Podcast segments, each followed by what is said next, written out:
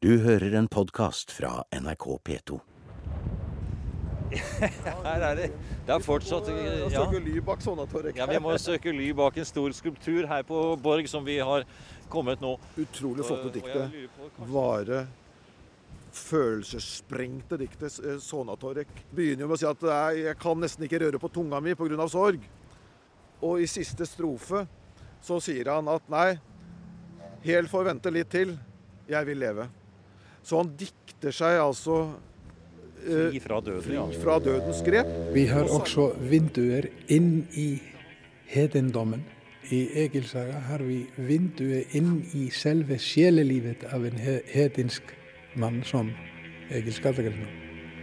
Fjellhöggur stort fyrr stáli stafn kvíks á veg jafnan út með jéla meitli andar jötun vandar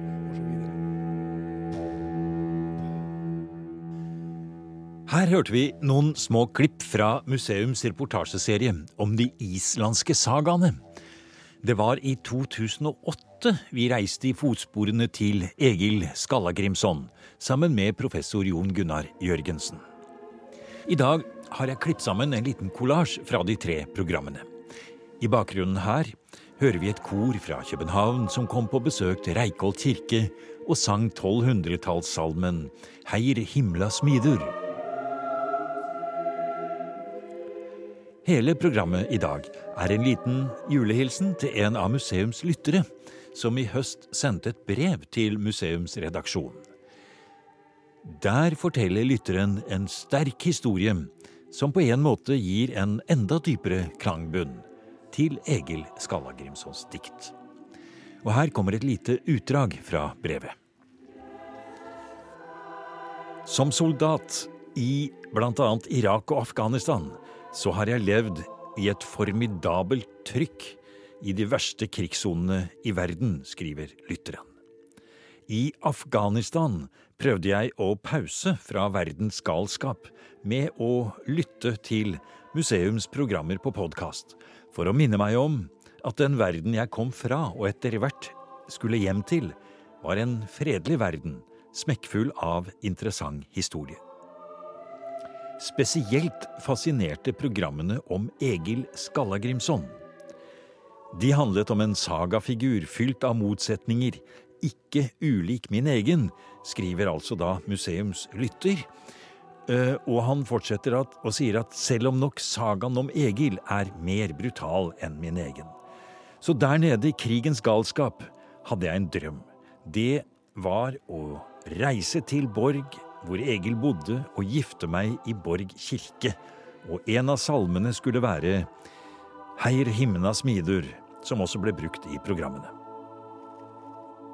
Både i dette brevet, som en av museums lyttere har sendt til oss, og i sin lokalavis Glåmdalen, og også på sin egen blogg på Bloggspot, og gjennom sitt arbeid i SIOPS, Forbundet for norske veteraner, har denne lytteren fortalt at han har fått psykiske skader etter sin tjeneste i internasjonale operasjoner for Norge. Men, skriver han i brevet til museum, Inspirert av museums programserie på Island, fridde han og fikk ja, og sammen reiste brudeparet til Island for å oppsøke både kirken i programmet og den samme presten. Det var der de ville gifte seg. Etter en lang og kronglete reise, skriver lytteren, og på en veldig rein og vindfull høstdag, så sitter bruden og jeg med følge i den lille kirken på Borg. Jeg i uniform med medaljer og sabel, skriver han. Bruden hvit og vakker som snø. Oppe på galleriet står et kor som talte flere enn gjestene nede i kirkerommet. Begeistringen for historien om soldaten og offiseren som kom den lange veien til Borg for å gifte seg, var stor. Og den ville ingen ende ta når de fikk i oppdrag å synge Heir himna smidur. Stemningen var til å ta og føle på når Himmelsmeden ble fremført, skriver lyttere, Og det hele ble rundet av i en spesialversjon av Deilig er jorden. Og så avslutter da eh, dette, denne lytteren sitt brev til museet med å fortelle at etter vielsen så gikk de ut i regn og vind bort til eh, monumentet Sonatorik, som vi hørte helt i starten av dette programmet, eh, og tok sine bilder. Det er liten tvil om at dette brevet er det som har gjort størst inntrykk gjennom alle de 18 årene dette programmet har eksistert. Og vi kunne ikke dy oss for å ta med noen linjer fra brevet og lage denne lille kollasjen av de islandske programmene. Så vi får vel bare si god jul til brudeparet og ønske alt vel. Og her kommer et utdrag fra programmet om Egil Skallagrimsons diktning. De tre opprinnelige programmene er ennå å finne som podkast på museumssider. Men da reiser vi noen mil nord for Reykjavik, inn i en liten fjord, hvor det ligger en bitte liten hvit trekirke som stormen og regnet river og sliter i. Innerst i en trang fjord med høye fjell opp på hver side, og med en fjellhammer som kan ligne en bygdeborg, ligger en liten hvit kirke, en kirkegård og presteboligen til Torbjørn Arnason. Akkurat her lå også gården Borg, hvor Egil Skallagrimsons far tok land i landomstiden. Hit flyttet også Egil selv da han kom hjem for godt fra sine eventyr i Norge og England.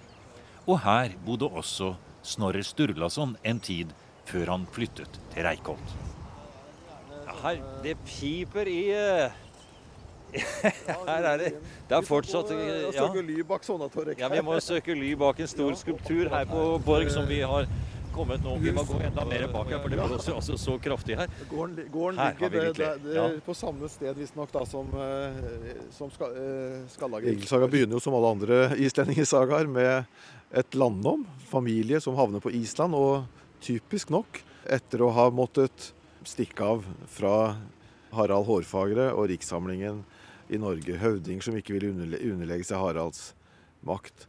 Egils familie ble utsatt for det, bosetter seg på Island. Og så møter vi Egil i et par, får ta med et par karakteristiske episoder i hans barndom. Hvor han eh, tre år gammel dikter et skallevers. Og skallevers, det er ikke barnemat, skal jeg si deg. Det er veldig avansert kunst. og svært krevende åndsverker. Så det er selvfølgelig eh, det reneste eventyr. Et treåring kan ikke dikte, men Egil var jo ikke noen vanlig treåring. Det er det den forteller oss. Og han er ikke tolv år enda før han tar livet av sin, den, sin, sin første mann. Ja. Og da har du fått to karaktertrekk ved denne figuren som er temmelig motsetningsfylte men som er veldig karakteristiske for han. Altså den hensynsløse, rå voldsmannen som krever sin rett og krever, krever hevn eh, på den ene siden, og så den begavede dikteren, åndsmennesket, på den andre siden. En veldig eh, spenning som preger denne historien, og som jeg eh, syns er det som gjør Egil til en så eh, interessant og spennende figur. altså. Og ennå så har vi jo ikke kommet oss ut av Island, for å si det sånn. Nei. Eh, her har vi susjettet, holdt jeg på å si, av personlighetstypen. Der har vi ja. For at nå drar ja. Egil uh, til utlandet, og det mesteparten av sagaen foregår egentlig i utlandet. Han reiser til Norge. Han reiser rett til sin families uvenner, rett og slett. Han gjør det. Og da Egil er på vei for å besøke sin venn kong Adalstein i England. Så blir skipet tatt av vær og vind og drevet i land like i nærheten av Eiriks residens. I, I, Northumbria i Yorkshire. Ja. ja. Der blir hans skip drevet til land, og det er altså da rett i hendene på igjen hans da verste fiender. Ja. Og nå er jo han eh, fredløs, kan man si, så hvis han blir tatt nå, så vil det bety dødsdom. Ja, men han skjønner det at han kommer ikke unna. Og han er jo, vil også se på det som æreløst å prøve å, å, å flykte. Og nå er Egil kommet for første gang i sagaen i en situasjon der hans voldsomme krefter ikke kan hjelpe ham. Og det er interessant. Hva gjør han da? Han redder seg ved sin åndskraft. Altså, han, la, han dikter et enestående flott kvad som han sier fram for kong Eirik. Og det gjør såpass inntrykk at Eirik sier at han skal få beholde livet. Men han vil ikke se han for sine øyne mer. Det diktet er jo det som heter hovedlausen. Altså han løser ut sitt hode. Han Ja. redder sitt Ja. liv, med andre ord, gjennom et fantastisk eh, Ja. dikt. Og det er jo to ganger i livet at Egil havner i den situasjonen at hans, hans krefter, hans innflytelse, hans allianser ikke kan redde ham. Det ene var da han møtte sin motstander Eirik Blodøks i England. Og det andre gangen det var når havet tar hans sønn. Han kan ikke hevne seg på naturen for å ha tatt livet av sønnen. Han, eh, han kan ikke kreve bøter fra naturen. Hans fysiske krefter kan ikke redde ham ut. Og det er da hans datter kommer til ham og sier Far, ingen kan eh, dikte noe arvekveie etter Bodvar om ikke du gjør det. Hun lurer ham til å dikte et kvede. Han setter da i gang og dikter dette utrolig flotte diktet 'Vare følelsessprengte diktet eh, Sonatorek. Og vi kan nesten følge diktet framover. Det begynner, altså, han, man begynner med å si at «Nei, jeg kan nesten ikke røre på tunga mi pga. sorg. Og så føler vi at han blir sprekere utover.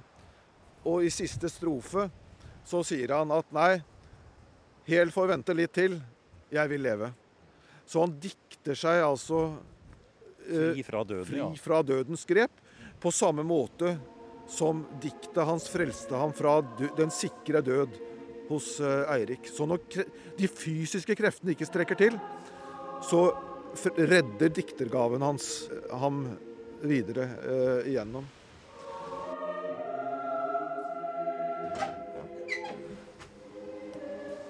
Vi kommer inn her. Dette er kirken din, ja. Det er her du Ja, det er jo en av mine fem kirker. jo. Ja, det er fem kirker.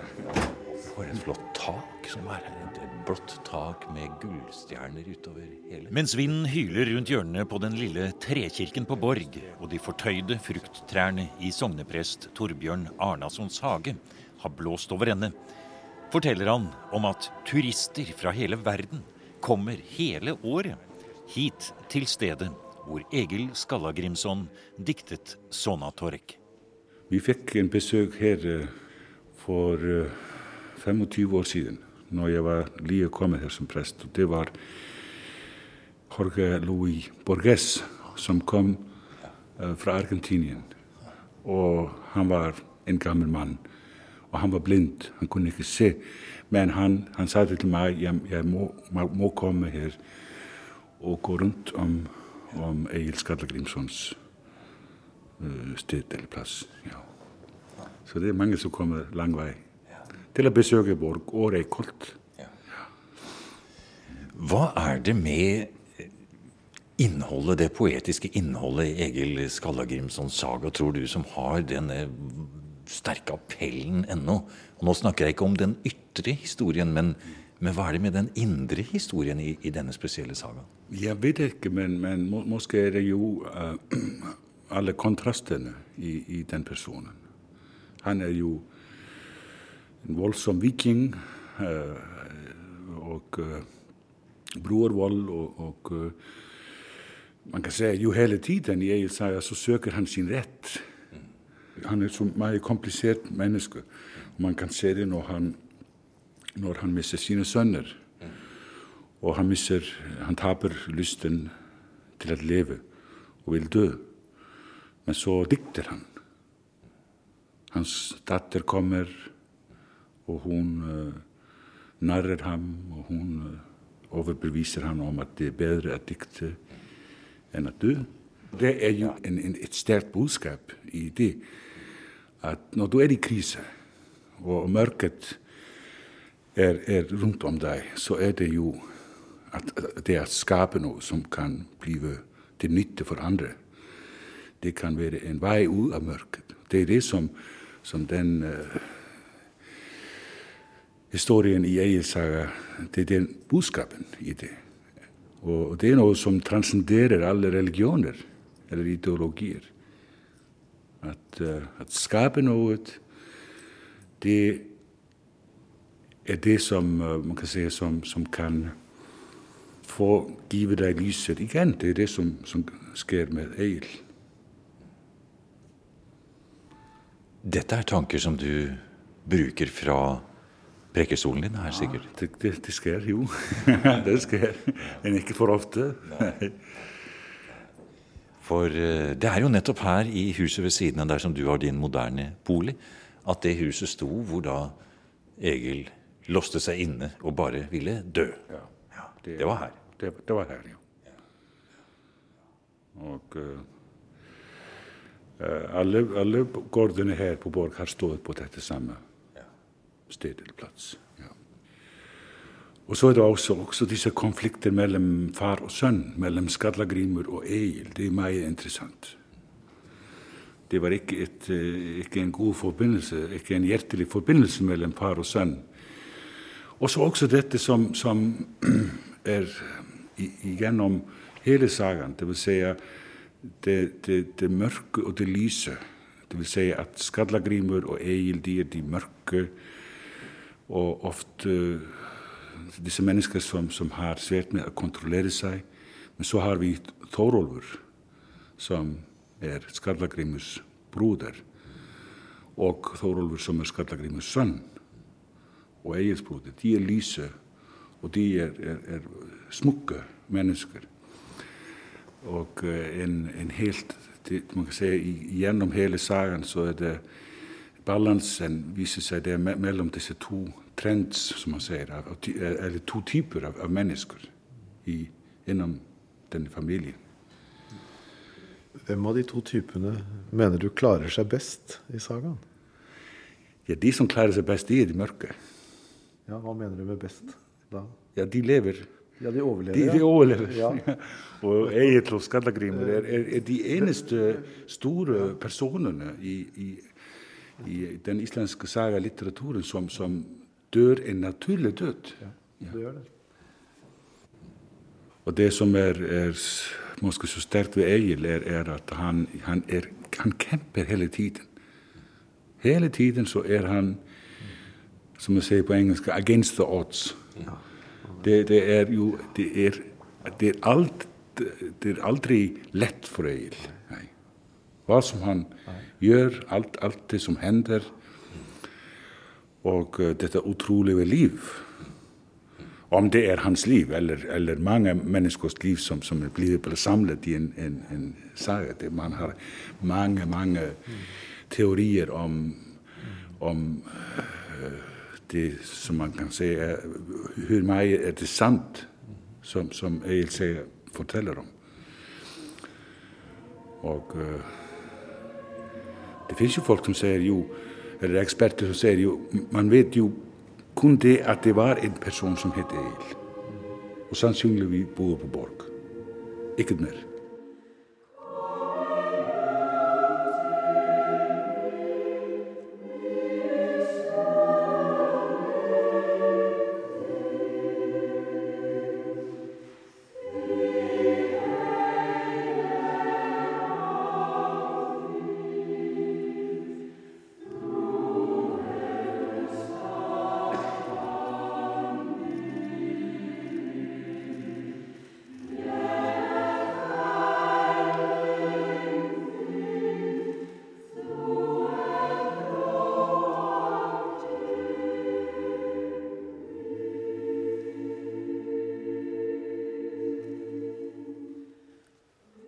Høyr himna smidur. Hør himmelens skaper, synger København Konsertforeningskor på en konsert i Reikholt kirke den ettermiddagen vi kommer dit. Teksten er skrevet av Kolbein Tumasson, som var en av Islands goder på 1200-tallet, på Snorres tid. Også han ble for øvrig drept under borgerkrigene på den tiden, akkurat som Snorre. Huktu, sa Símon. Egi skal högva, sagði Snorri. Hann henvísar til det femte mosaiske búð, þú skal ekki slå ihjel. Der skal ekki hugus. Hugg du, sagði Símon igen. Igen sagði Snorri, Egi skal högva.